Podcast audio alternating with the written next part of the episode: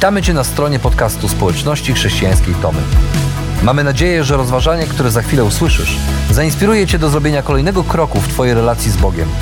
Bo w naszej społeczności zapraszamy wszystkich do relacji z Chrystusem, który zmienia wszystko. Dziękujemy za Twoje zainteresowanie i zapraszamy Cię do polubienia naszego profilu na Facebooku, Instagramie i YouTubie oraz ściągnięcia darmowej aplikacji na smartfona. Dobrego słuchania.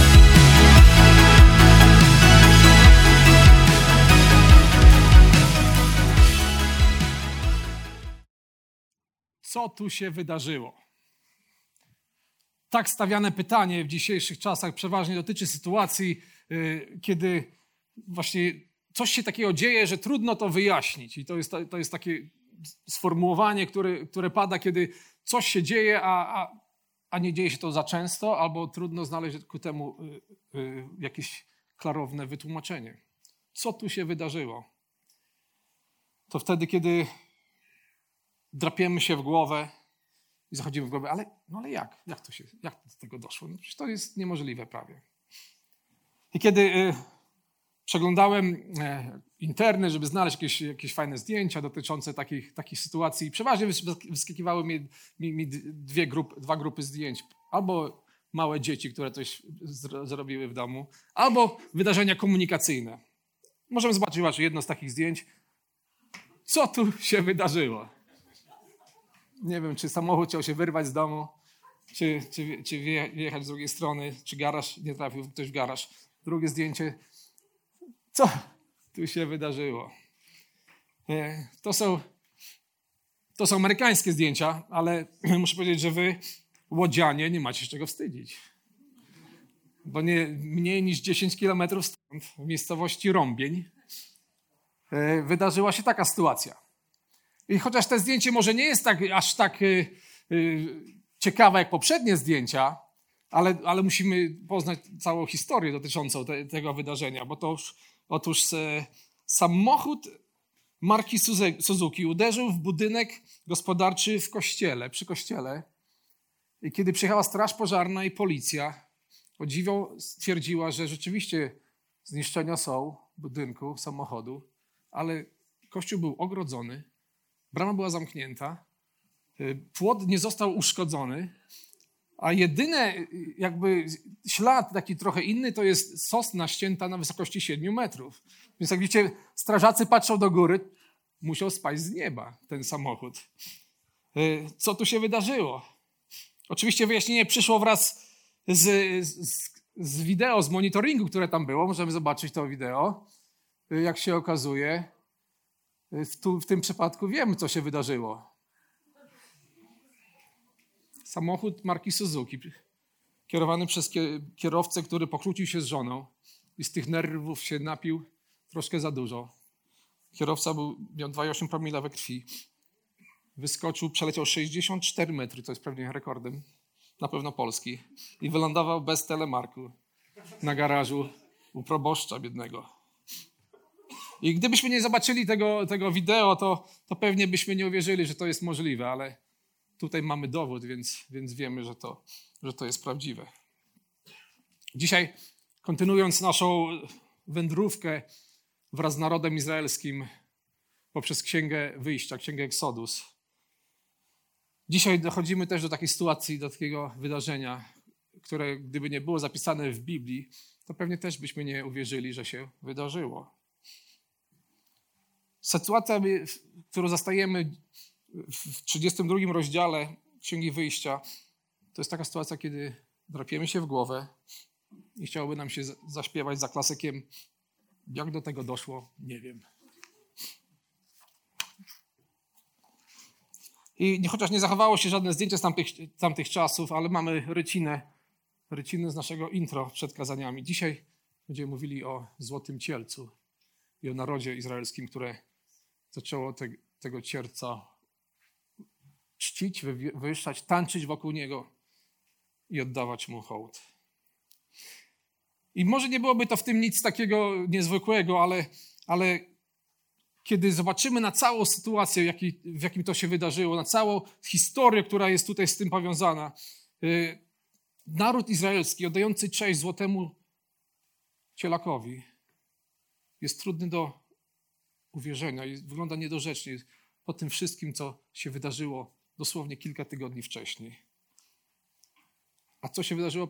Pozwólcie, że przypomnę Wam troszkę taką historię tych, tych, tych, też naszych kazań, które do tej pory mówili. Najpierw może trochę dalej sięgniemy w historię, kiedy naród izraelski musiał uciekać ze swojej ziemi przed głodem, trafił do Egiptu, e, bo tam było jedzenie i na początku to była ziemia schronienia, ten Egipt, a później stał się ziemią zniewolenia. Izraelici szybko stali się niewolnikami. Przez 400 lat byli wykorzystywani do, do niewolniczej pracy przez, przez Egipcjan, przez faraona. W pewnym momencie nawet y, zaczęto zabijać ich, ich synów, żeby się dalej nie rozwijali. Y, byli bardzo prześladowani. I Bóg w końcu miał dosyć i posyła Mojżesza po to, żeby uwolnił swój naród spod niewoli egipskiej. I o tym czytaliśmy i studiowaliśmy. Bóg posyła plagi, które dotykają różnych aspektów życia E, Egiptu, faraon, który ma zatwardziałe serce, nie chce, nie chce wypuścić e, Izraelitów, ale w końcu po dziesiątej pladze zgadza się, Izraelici wychodzą. A za, ale za chwilę faraon zmienia, zmienia zdanie i wysyła wojsko za, za Izraelitami, żeby ich powstrzymało, żeby wróci, wrócili do, do niewoli, do Egiptu. No, cały naród izraelski ucieka, staje nad brzegiem Morza Czerwonego i zdaje się, że jest w pułapce, że nie ma dokąd pójść, ale cudowny sposób Pan Bóg przy pomocy Mojżesza rozdziela wody Morza Czerwonego. Izraelici przechodzą na drugą stronę. A za nimi do tego morza wchodzą, wchodzi też armia egipska. Izraelici przechodzą, armia nie, nie zdąży, woda wraca i, i za, zalewa i niszczy e, armię e, faraona. I w cudowny sposób Izraelici są uratowani. A potem, potem trafiają na pustkowie i nie wiedzą gdzie iść, ale Pan Bóg jest z nim przez cały czas. Przez cały dzień prowadzi ich obłok, a w nocy słup ognia. Bóg jest z nimi obecny. Kiedy są głodni, Bóg zapewnia im mannę, codziennie z nieba spada manna, a też przylatują przepiórki, żeby mieli też mięso co jeść. A kiedy są spragnieni, to jak nie ma wody, Bóg pozwala Mojżeszowi uderzyć w skałę i z tej skały wypływa woda. I kiedy te podstawowe potrzeby bezpieczeństwa, głodu i pragnienia zostają zaspokojone, Bóg postanawia trochę sformalizować ten ich związek, dać się lepiej im poznać, zawrzeć z nimi oficjalne przymierze. I kiedy trafiają pod górę Synaj, Bóg zaprasza Mojżesza na górę, aby przekazać mu swoje prawo, aby mu objawić siebie jeszcze bardziej. I kiedy Mojżesz jest na tej, na tej górze, ta góra cała płonie, są grzmoty i błyskawice, i ludzie widzą wielką potęgę Boga na własne oczy. Wiedzą, że Bóg jest obecny na tej górze wrazem z ich liderem Mojżeszem. I kiedy, kiedy Mojżesz schodzi z góry, ogłasza, ogłasza prawo, które dał mu Bóg, ogłasza te dziesięć przykazań, które dostał od, od Boga, y, to też od razu przechodzi do oficjalnej ceremonii zawarcia przymierza, buduje 12 ołtarzów dla 12 plemion i zostaje złożone ofiary, zostaje przelana krew, krew zwierząt.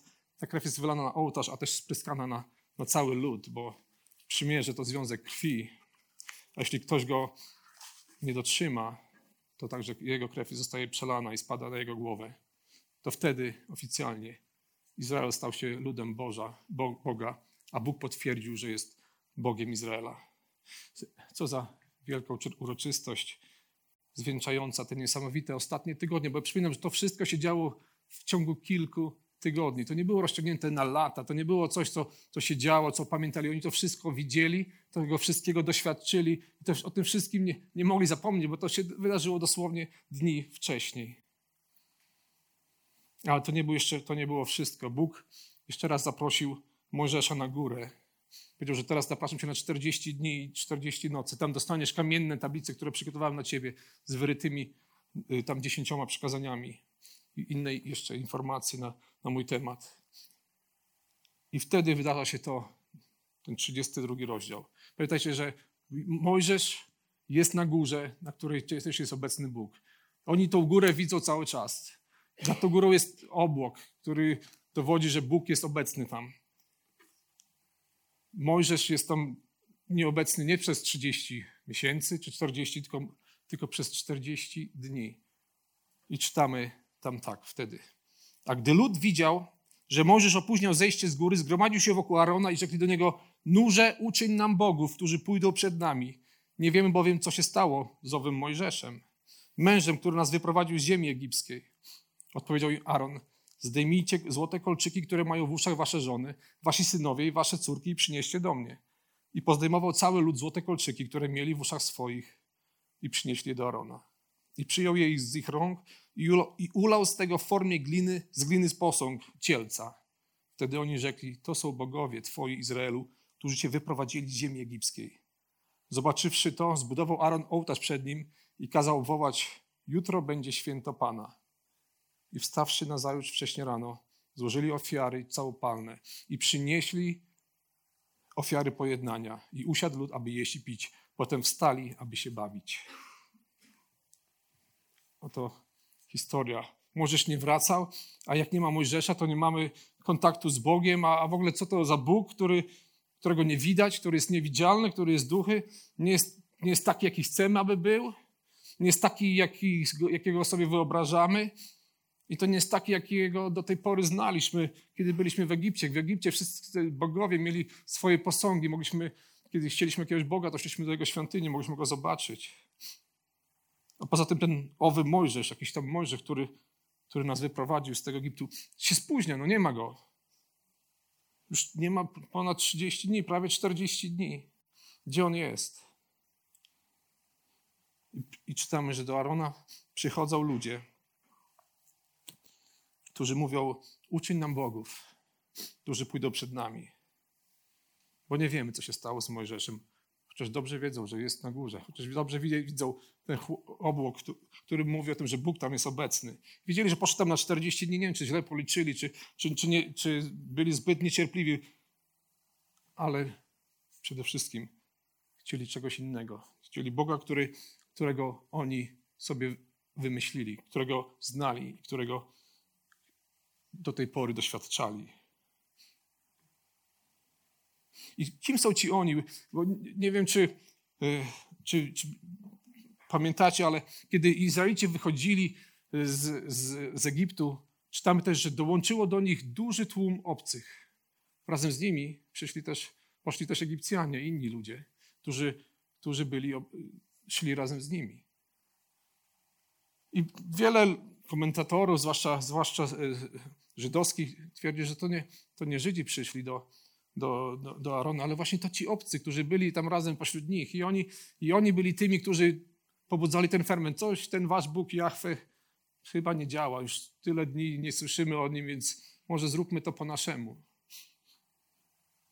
Ciekawe, co, że Aaron, który był arcykapłanem, był bratem Mojżesza, który został, aby, aby pilnować tam porządku. Nie, nie czytamy, żeby on jakoś oponował. Nie czytamy, że mówi, czy was pogięło? Zamieniliście się na rozum z nie wiadomo kim? Przecież przed chwilą dostaliśmy Boże przykazanie. Dostaliśmy dziesięć przekazań, które, które mówią wyraźnie: Ja jestem jedynym Bogiem. Pierwsze przekazanie: Jestem, jestem Bogiem waszym i nie, nie będziesz miał innych bogów oprócz mnie. A drugie mówiło o tym: Nie będziesz czynił sobie żadnej podobizny tego, co jest na górze albo na, na niebie, żeby i nie będziesz mu się, temu się kłaniał i oddawał temu cześć. Aaron nie, nie aponuje, nie, nie czytamy tutaj o jakiejś długiej dyskusji czy, czy opozycji. Aaron mówi tylko zdejmijcie złote kolczyki, które mają wasze żony i wasze córki i wasze dzieci i przynieście do mnie. Niektórzy twierdzą, że tak powiedział, bo miał nadzieję, że kiedy ci panowie pójdą do tych żony, to one będą panować i nie dadzą tak szybko, że zyska na czasie, że, że Mojżesz może wróci. Ale czytamy, że nie tylko, że pozdejmowali od żon, ale sami swoje też poddawali, bo wszyscy pozdejmowali złote kolczyki, co mieli w uszy i przynieśli je do Arona. On je przyjął, ulał w formie z gliny posąg cielca i zrobił tego cielca. A czemu, czemu akurat ciel, cielca, czemu cielaka, czemu, czemu obrus młodego wołu? Bo to było coś, co było znane dla nich. W Egipcie był czczony byk Apis, święty byk, który który był symbolem siły, symbolem płodności. Był, był to jeden, jeden z bóstw egipskich. Tam, gdzie szli do Kananu, tam był Bóg Baal, który też był często przedstawiany jako Bóg pod postacią byka. to było coś, co znali.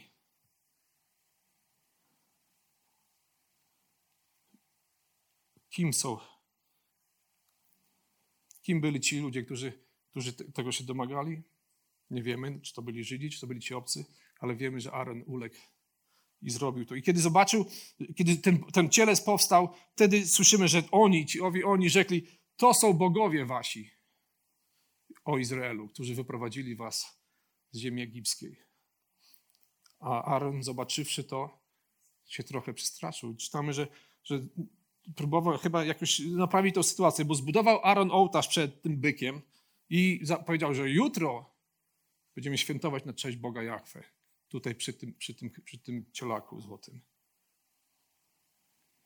I tak się, tak się wydarzyło. Rano lud przyszedł, zaczął, złożył ofiary całopalne, usiadł, zaczął jeść, pić, a potem wstali, aby się bawić. A ten, te słowo bawić się y, ma bardzo konkretne znaczenie. To była zabawa, która była powiązana również ze sposobem, w jaki w, w tych pogańskich krajach czczono tych, tych bóstw, czyli zabawa, z, która była powiązana z rozwiązłością, z cudzołóstwem i z wszelkim przeteczeństwem. I to zaczęło się dziać przy ołtarzu zbudowanym na Jachwę, przy tym złotym cielcu, który został zbudowany dla nie wiadomo kogo.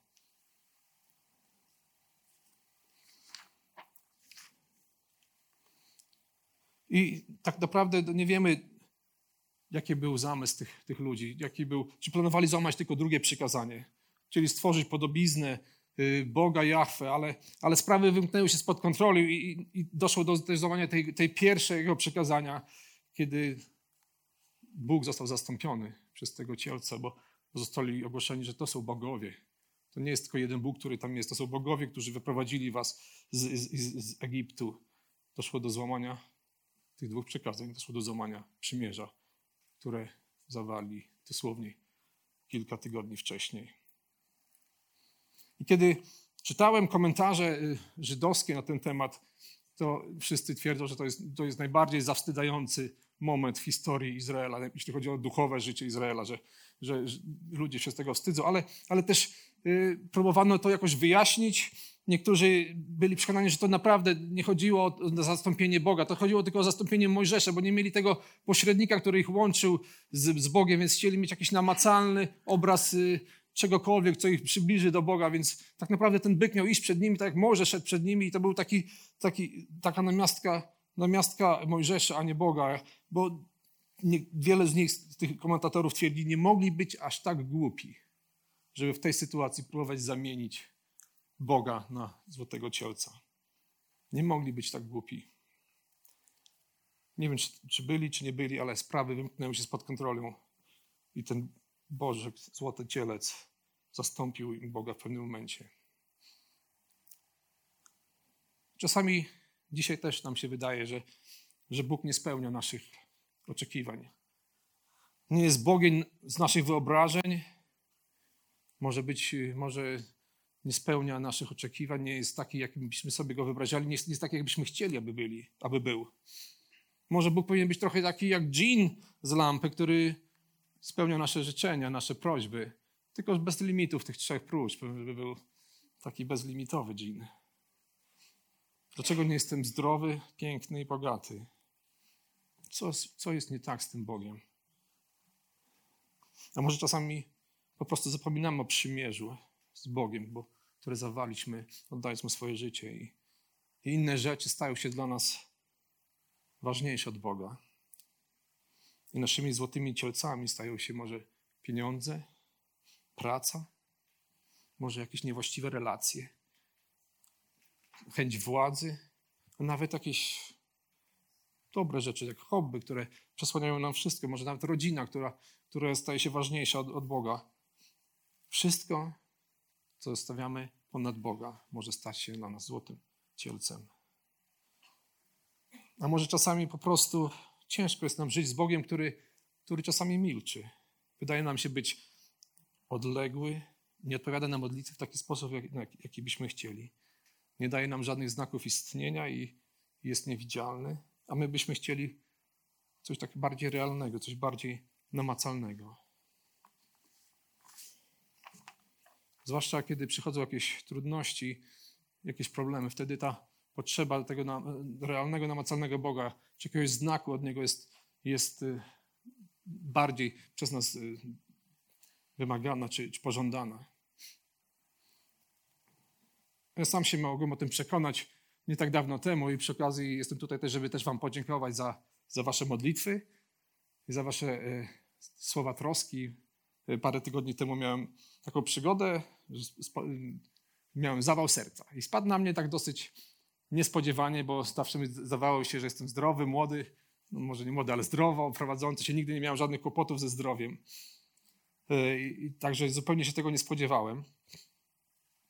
I, i kiedy, kiedy to się wydarzyło, kiedy, kiedy przyjechała karetka, zabrała mnie do szpitala, y, wiem, że już moja żona poinformowała was i wielu, wielu z was się już od, od samego początku modliło, modliło o tym i miałem taki dosyć, trochę byłem poderwowany, ale, ale, ale, dosyć Pan dał mi spokój. I kiedy przyjechałem do, do, do szpitala, była jeszcze tam kolejka do, do, do operacji, więc y, musiałem poczekać na, na, na tym ich ojomie.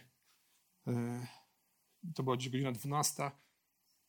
I tak leżałem, leżałem podpięty i miałem telefon koło siebie, koło siebie i zadzwonił telefon. I patrzę, że to dzwoni mój kolega, taki dobry przyjaciel z, z Ameryki.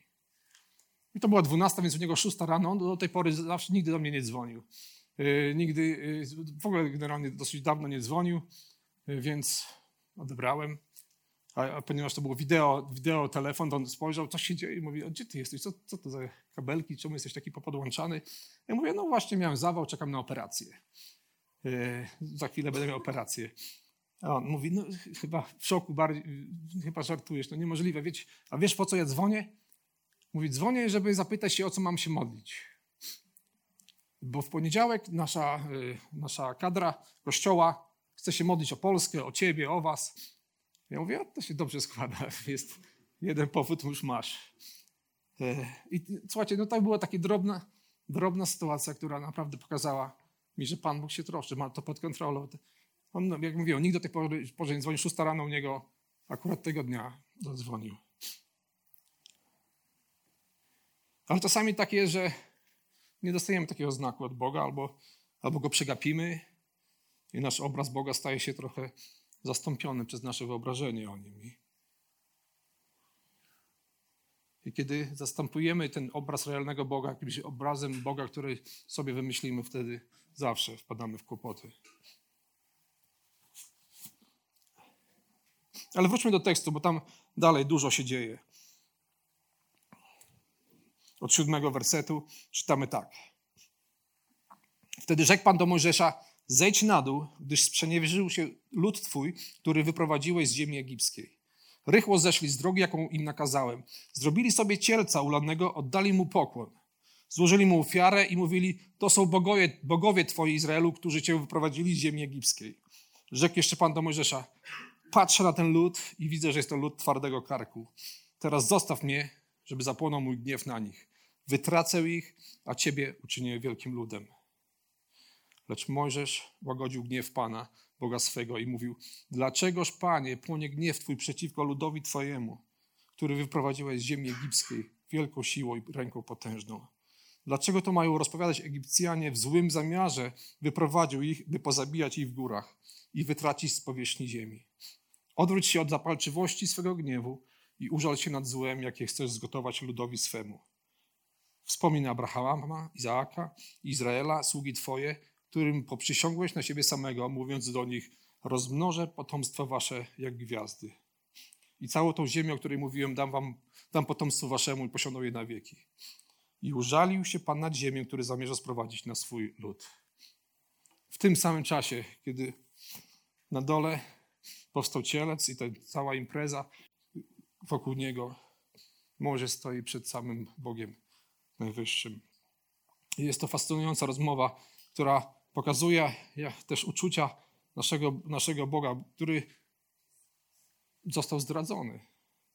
Został zdradzony i to w takim momencie. W zasadzie to jest tak, on ciągle jest, ciągle są w tej ceremonii zawarcia tego przymierza, ciągle jakby to trwa, to nie nie skończyło. To tak jakby, tak, tak jakby ktoś zdradził ciebie na, na twoim weselu. Twoja, twoja żona, twoja po, po, poślubiona, tylko co żona jeszcze na weselu cię, cię zdradziła. Pan Bóg za Pana zapałał sprawiedliwym i świętym gniewem na naród izraelski, który złamał przymierze. Ciekawe też jest, nie wiem czy zwróciliście uwagę, że Pan Bóg mówi do Mojżesza, zejdź na dół, gdyż sprzedniewierzył się lud Twój, którego Ty wyprowadziłeś z, z Egiptu. A do tej pory za każdym razem Bóg mówił, to jest mój lud. Faraonie, wypuść mój lud. To ja chcę go wyprowadzić, ja mam go wyprowadzić z ziemi egipskiej. A w tym momencie Bóg mówi do mnie, że zabierz, idź na dół, zajmij się tym twoim ludem, ludem który, którego w ogóle chcę wytracić, ponieważ zgrzeszył i złamał przymierze, a przymierze to sprawa krwi. A za, zapłatą za zerwanie przymierza jest śmierć.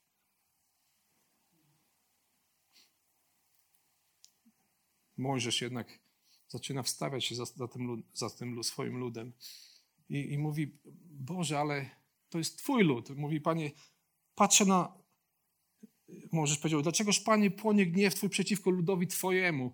Możesz odpowiadać, nie, to jest Twój lud, Boże, to, to jest Twój lud, Ty go wyprowadziłeś z, z ziemi egipskiej wielką siłą i potężną ręką. No, wyprowadziłeś go teraz i chcesz go wytracić? Jak to będzie wyglądało? Co, co powiedzą Egipcjanie, którzy ich wypuścili? Wypuścili ich po to, żeby zginęli? A w ogóle pamiętasz o przymierzu, które zawarłeś z Abrahamem? Obiecałeś mu, że to będzie wielki wielki lud, którego będzie, i liczba będzie jak, jak gwiazd na niebie. I czytamy dalej, że Bóg użalił się i zmienił swoje zdanie i oszczędził naród izraelski w tym momencie. I dalej czytamy od 15 wersetu.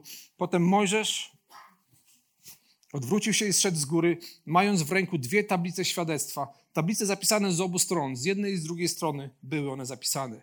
Tablice te były dziełem Bożym, a pismo było pismem Boga wyrytym na tablicach. Jozue usłyszał odgłos okrzyków ludu i rzekł do Mojżesza, do Mojżesza wrzawa wojenna w obozie. On zaś odpowiedział, to nie jest głos okrzyków po zwycięstwie. Nie jest to odgłos okrzyków po klęsce, lecz słyszę odgłos śpiewu. A gdy Mojżesz zbliżył się do obozu, ujrzał cielca i tańce. Wtedy Mojżesz zapłonął gniewem i wrzucił tablicę z rąk swoich i potłukł je pod górą. Potem wziął cielca, którego sobie zrobili, spalił go w ogniu, starł na proch, wsypał do wody i dał ją wypić synom izraelskim. Czytamy, co się wydarzyło dalej. Kiedy Mojżesz schodzi na dół, tam w pół drogi czekał na niego Jozue, jego asystent. Jozue też nie wiedział, co się dzieje. On nie słyszał tych słów od Boga, że, że Izraelici zdradzili, ale też nie był tam na dole, nie wiedział, że, nie wiedział, co się działo, więc on dołączył. I kiedy schodzili, usłyszał jakieś, jakieś hałasy. I myśli, tam musi być jakaś bitwa, jakaś wrzawa wojenna. A Mojżesz mówi, nie, to jest śpiew. A, a Józef mógł pomylić to z wrzawą wojenną, bo, bo ten śpiew to nie był pewnie śpiew waszej grupy uwielbieniowej. To bardziej było śpiew to były bardziej pijackie przyśpiewki weselne, które można było pomylić z żawą wojenną, bo to nie było, na pewno nie było ładne, bo to był śpiew tych biesiadujących, pijanych, oddających się rozpuście ludzi, którzy, którzy balowali wokół tego złotego cielca. I kiedy może zbliżył się na tyle blisko, że zobaczył na własne oczy, co to się dzieje, to już nie był tak miły, czy nie był tak dobry stojący się za swój naród, ale zareagował dokładnie tak samo, jak zareagował Pan Bóg. Wpadł w gniew, w święty gniew. I te tablice, które miał, święte tablice, które dostał od Boga, które zostały przez Boga samego zrobione, do których było napisane przez Boga tekst dziesięciora, dziesięciorga przykazań, te tablice rzucił na ziemię i rozbił, ponieważ wiedział, że te tablice są jakby dowodem, świadectwem przymierza, które zostało właśnie przerwane. I pierwsze co zrobił, czytamy, pierwsze co zrobił, użył cielca, rzucił tablicę, potem wziął cielca i go zniszczył w sposób kompletny. Spalił go, prawdopodobnie ten cielec to był, miał drewniane elementy oblane złotem, więc wszystko to spalił, zmielił, starł na proch. A kiedy to, to zrobił, wsypał do wody i kazał pić Izraelitom. Chcieliście grzechu, spróbujcie, jak smakuje. Poczujcie gorycz popiołu. On działa w sposób radykalny, w radykalny sposób, od razu rozprawia się z grzechem. Nie próbuje dojść, co tu się dzieje najpierw. Pierwsze, co robi, radykalnie rozprawia się z, z ich grzechem, największym grzechem. Niszczy złotego cielca. Nie ma powrotu. To nie było tak, że on został wyrzucony. Nie, ma, nie było szans, żeby ten, ten, ten cielak się pojawił i żeby można było coś zrobić, miał zniknąć. A, a oni mieli poczuć ten gorzki smak swego grzechu. Bo tak to jest, że, ten, że grzech zazwyczaj na początku smakuje słodko, ale później to zamienia się w gorycz i w piołun. A ten Bożek wylądował tam, gdzie jego miejsce. Bo jak zjedli ten złoty pył, ten złote okruchy, to się, to się nie trawi. To się pojawia z drugiej strony i kończy tam, gdzie miejsce takiego złotego bożka. I dopiero wtedy możesz próbuje dojść, co tu się wydarzyło. I czytamy dalej. Następnie rzekł możesz do Arona, co uczynił ci ten lud, że sprowadziłeś nań tak wielki grzech? Aaron odpowiedział, niech Pan mu się nie gniewa. Ty znasz ten lud, że jest skłonny do złego.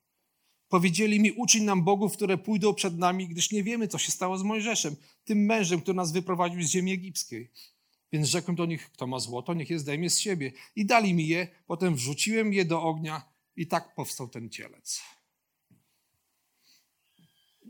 No panie Bo, no, no Mojżesz, no nie denerwuj się, no przecież wiesz, że to jacy to są grzesznicy. To ci to mają skłonności do złego. No, poprosiłem o, o złoto, wrzuciłem do ognia i nagle się cielec zrobił sam z tego. To jest wymówka jak małych czteroletnich dzieci, kiedy coś zbroją. Kto zbił, kto zbił to, to, ten wazon? sam się zbił. Dokładnie to samo mówi Aaron. No, wrzuciłem złoto i powstał cielec. A to w ogóle ich wina, bo to oni są grzesznikami, skłonnymi do, do, do, do wszelkiego zła. I, I tak to jest, że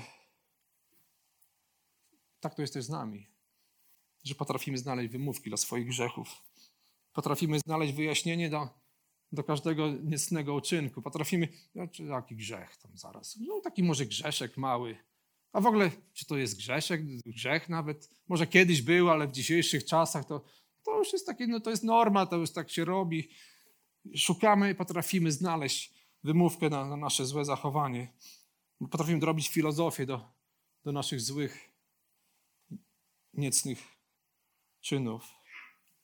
Potrafimy sobie to zracjonalizować kiedy, kiedy potrzebujemy.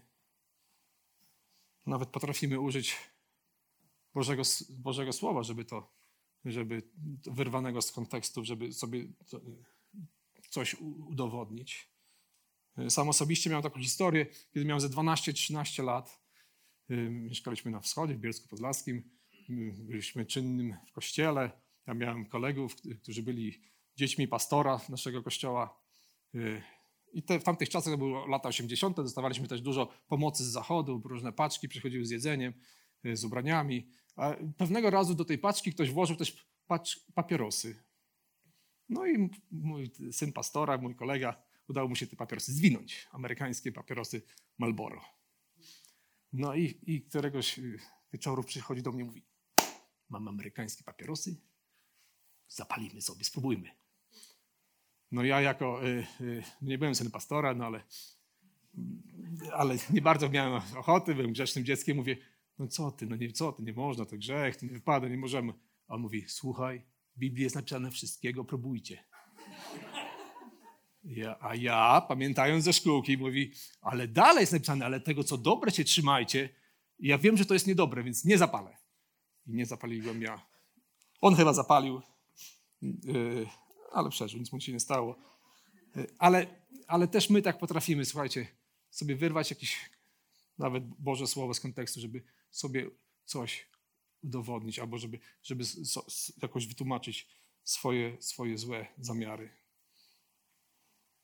Tak też zrobił Aaron. Aaron, który nie podjął odpowiedzialności, który miał być liderem, który, który e, pilnuje ludzi, który pilnuje Bożych praw. On uległ presji tych ludzi wokół nas. I tak samo ten, ten, ten naród izraelski, który, który posłuchał podszeptu pewnie tych ludzi, którzy byli wokół nich, tych obcych, którzy przyszli z, nie, z nimi y, i, i dał się omamić i przymusili Arona do tego, to trochę tak, że ten naród izraelski nie zostawił tego starego życia za sobą w Egipcie, tylko część tego starego życia z Egiptu zabrał ze sobą. I kiedy my, słuchajcie, kiedy my oddajemy swoje życie Bogu, to powinniśmy to stare życie zostawić za sobą.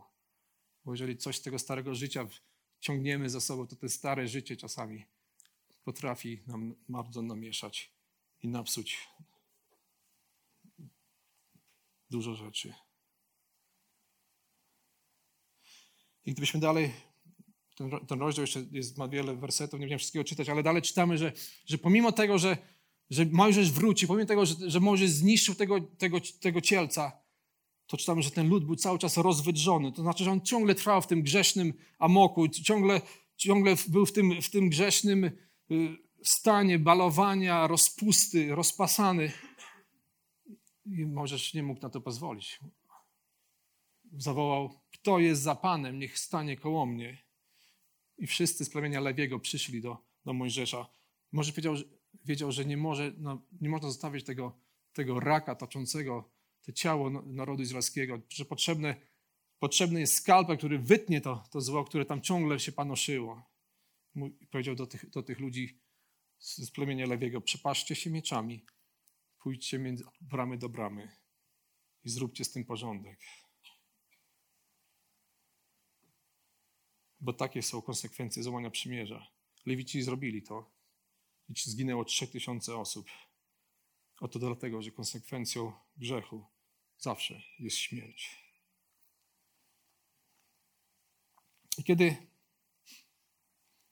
kiedy tak patrzę czasami na życie niektórych moich znajomych, czy ludzi, których nawet podziwiałem, i zadaję pytanie, co tu się wydarzyło, bo oto ci wierzący ludzie, zaangażowani w misję, czasami pastorzy albo wielcy y, znani mówcy, pisarze, liderzy, jak oni mogli zrobić coś takiego, tak stoczyć się w grzech, tak zepsuć swoją służbę, zepsuć swoją rodzinę. Przecież oni nie mogli być tak, aż tak głupi, żeby zrobić taki, taki grzech. Ale kiedy pożądanie, czy pieniądze, czy używki, czy, czy, czy chęć sławy, popularności zastępują nam na pierwszym miejscu Pana Boga, kiedy one stają się naszymi złotymi cielcami, to wtedy często to doprowadza do upadku również tych wielkich, zdawałoby się bożych mężów i Boże kobiety. A może patrzysz na swoje życie i myślisz, co tu się wydarzyło? Przecież nie mogłem być tak głupi, że, zro, że zrobiłem takie rzeczy, że zgrzeszyłem w taki sposób. Może jak Aaron potrafiłem znaleźć sobie wymówki na, na wszystko i a może tak jak Izrael, właśnie ten, coś z tego starego życia przyciągnąłem ze sobą, ciągle było przy mnie i to wydało w końcu ten, ten zgniły owoc w moim życiu. To wiedz, że potrzebujesz Bożej łaski i przebaczenia. Tak, ja potrzebuję Bożej łaski i przebaczenia. I potrzebujesz, że dzięki Bożej pomocy i Bożej mocy zrobić tak, jak zrobił Mojżesz, który w radykalny sposób pozbył się grzechu ze swojego życia. Także nie, było, nie zostało po nim śladu. Mojżesz, Mojżesz był również tego świadomy. I chociaż wielki był grzech Izraelitów, wiedział, że, że Boża łaska jest jeszcze większa. I dalej czytamy, że Mojżesz powiedział do ludu tak, popełniliście ciężki grzech, lecz teraz postąp, wstąpię ponownie do Pana i będę prosił Go o przebłaganie waszych grzechów, żeby wam wybaczył. I Mojżesz wiedział, że aby grzeszni ludzie mogli stanąć przed świętym Bogiem, należy coś zrobić z grzechem. Ktoś musi zapłacić, ktoś musi ponieść ofiarę. I Mojżesz był gotów to zrobić. On powiedział: Boże, wybacz im, a jeżeli to nie jest możliwe, to jestem gotów się poświęcić. Możesz wymazać moje imię z Bożej Księgi, z Twojej Księgi Żywota. Ja jestem gotów się poświęcić za nich, tylko, tylko im wybacz. A Bóg nie przyjął tej oferty od Boga, bo powiedział, że Mojżesz jest grzeszny, że ta ofiara jego nie będzie skuteczna. Powiedział, ci, którzy zgrzeszyli, poniosą tego konsekwencje, zostaną ukarani. Ale Bóg, który jest sprawiedliwy, jest też dobrym Bogiem. Nie tylko się gniewa, ale okazuje łaskę. I mimo, że Izraelici zbuntowali się przeciwko Niemu, to On odnowił z nimi przymierze i obiecał im, że dalej ich będzie prowadził do ziemi obiecanej. A to, co zrobił Mojżesz w jasny bardzo sposób, wskazuje nam i przypomina o tym, co się wydarzy za, za, za jakiś czas, kiedy przyjdzie Chrystus, który stanie się ofiarą za nasze grzechy. Chrystus, który był bez grzechu, on mógł stać się tą ofiarą za moje grzechy, za Twoje grzechy, za grzechy całego Izraela też. Bo krzyż rozprawia się z moimi i Twoimi grzechami. I dzięki temu my mamy możliwość na przymierze z Bogiem, na wieczne przymierze z Nim. Nie wiem, jaki obraz Boga nosisz w sobie, nie wiem, jak, jak go postrzegasz, ale to jest tak bardzo ważne, żeby, ten obraz, żeby to był realny obraz Pana Boga, taki, jakim On jest. I poznajemy Go poprzez studiowanie Bożego Słowa, poprzez, poprzez społeczność, bo wtedy, wiedząc, jakim On jest, możemy również odpowiadać na, na to, co On do nas mówi. Bo tylko realny Bóg ma realny sposób na rozprawienie się z Twoim grzechem. Cokolwiek się wydarzyło w Twoim życiu, Jezus Chrystus zapłacił za to swoją krwią na krzyżu, abyś mógł mieć wieczne przymierze z Bogiem.